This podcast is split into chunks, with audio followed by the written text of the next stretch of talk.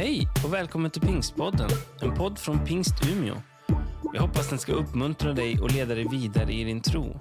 För att få mer information om Pingst Umeå och allt som händer i kyrkan, gå in på umia.pingst.se eller följ oss på Instagram och Facebook, at pingstumia.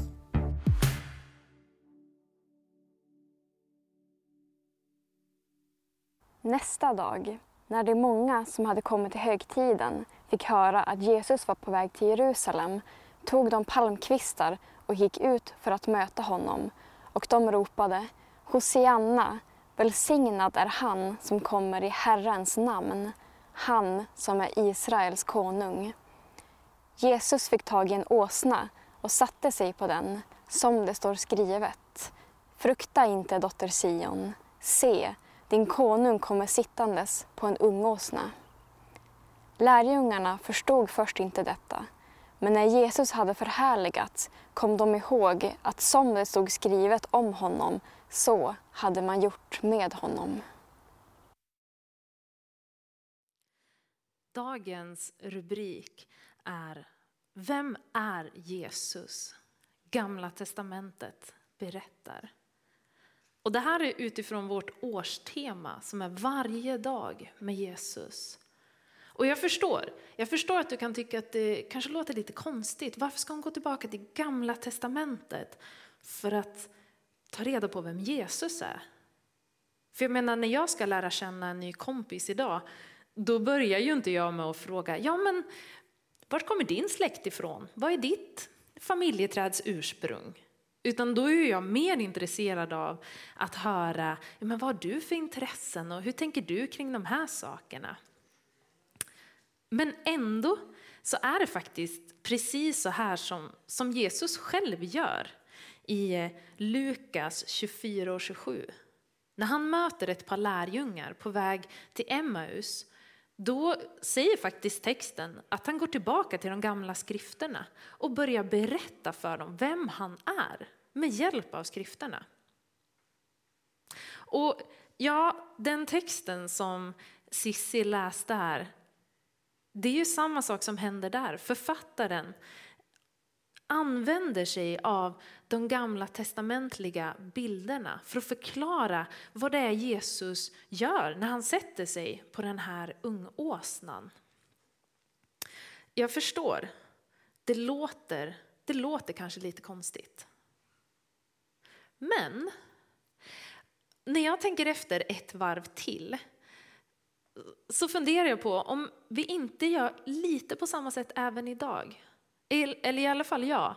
När jag ska förklara för någon kompis, kanske om en person som de har glömt bort att de har träffat och försöka beskriva fram den här individen för dem. Så bara, jo men du vet, hon har ju långt blont hår, ser ut som den där tjejen i, i den där filmen du vet. Och ja, nej men, är väl kanske lite av en markatta ibland.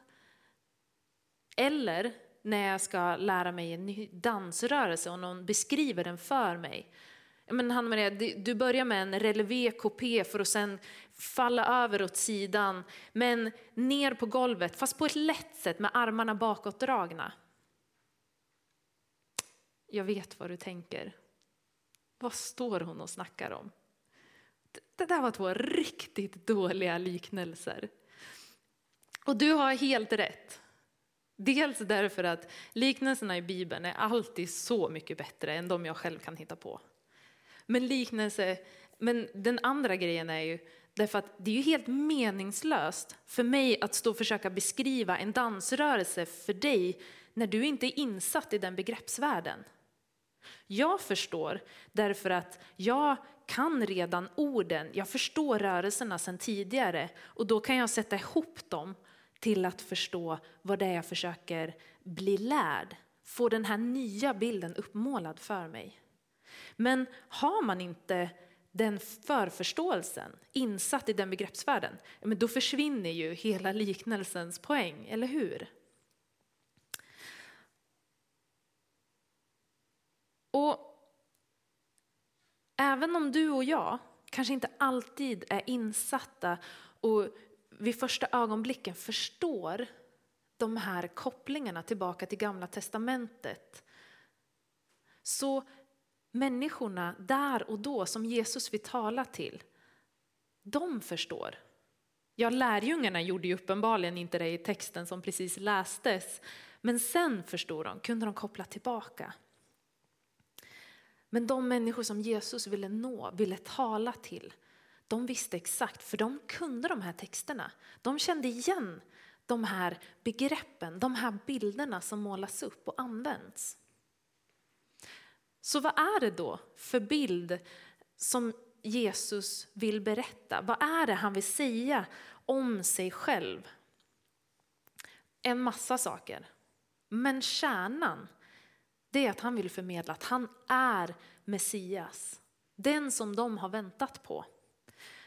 Och den här bibeltexten som vi hörde, den kanske vi är mer vana att lyssna till inför advent. När Jesus kommer där inridandes i Jerusalem på en ung åsna. Den bilden, den kopplar han tillbaka till en text i Sakarja 9.9. Jag ska läsa för dig, det står så här. Ropa ut din glädje dotter Sion. Jubla dotter Jerusalem. Se din konung kommer till dig. Rättfärdig är han. Seger är honom given. I ringhet kommer han ridande på en åsna, på en ung åsnehingst. Jesus vill förmedla att han är Messias, konungen som kommer för att befria dem från världens synd. Men när han ger den här bilden, när han kommer på det här sättet, så är det inte bara den här texten han knyter an till. Utan genom att han kommer ridande på en håsna. En fridens djur, inte en stridshäst. Så knyter han också an till kung David som var den största kungen för det här folket. För David och hans söner red nämligen också på åsnor.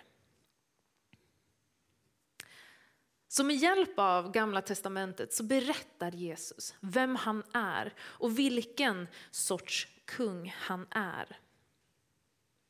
Och han vill förmedla att han är inte någon form av B-plan.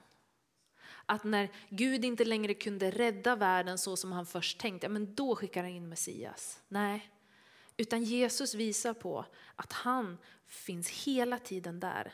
Texterna hade en betydelse redan där och då, men att Jesus är texternas fullkomliga innebörd. Han är Messias, konungen som han kommer för att rädda. Och någonting som jag tror att vi kan ta lärdom av de här texterna, av hur Jesus talar och vad det är för bilder han målar upp, det är att han alltid vill tala så att den han talar med förstår vad det är han vill säga. Vi ser det när Jesus sen försöker berätta om någonting nytt för dem. Om himmelriket. Det som ska komma.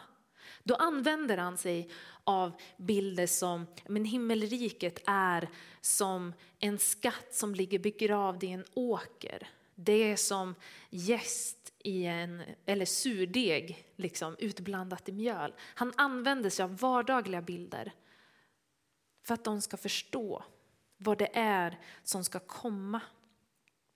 För att kunna nå fram med sitt budskap utan att vara skrämmande eller främmande för individen. Vet du vad? På samma sätt vill Jesus få kommunicera med dig och med mig idag. På ett sätt som gör att vi förstår vad det är han vill säga. Så att vi förstår att det är han som vill möta med oss och inte någon annan. Bibeln säger att vi ska inte förakta några profetior, men att vi ska pröva allt och behålla det som är gott.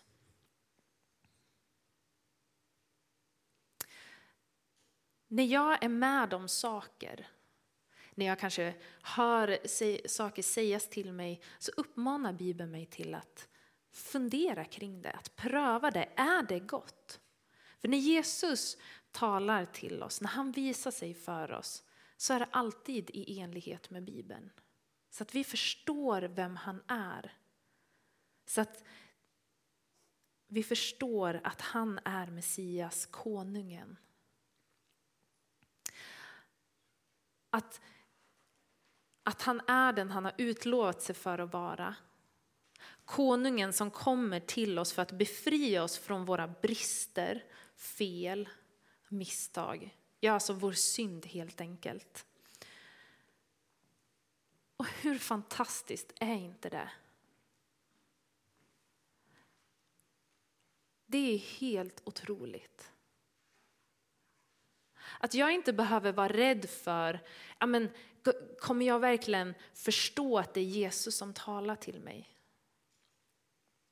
Och i och med att vi får ha Bibeln, att vi får lyssna till undervisning, så får vi också lära oss, vi får en större begreppsvärld. Att vi kan få lära oss att känna igen de här texterna i Gamla Testamentet och se Jesus där. Att vi får ännu fler bilder som kan hjälpa oss att förstå vem han är. Men Jesus vill möta med dig, just där du är, på ett sätt som just du förstår att han vill få vara din frälsare din räddare redan idag och helt fullt när han kommer åter och upprättar sin skapelse igen. Amen. Vi ber. Tack himmelske Fader för att du är Gud allsmäktig. Tack för att vi får lära känna dig ännu mer genom hela Bibeln, Herre. Och att du vill tala till oss var och en här idag. Att du vill möta med oss och att du gör det på ett sätt så att vi förstår att det är du och ingen annan. Jag tackar dig för att du kan rädda var och en som kommer till dig Herre. Att inget är för stort för dig. Utan att allt kan få vila i dina händer Herre. Möt med oss idag.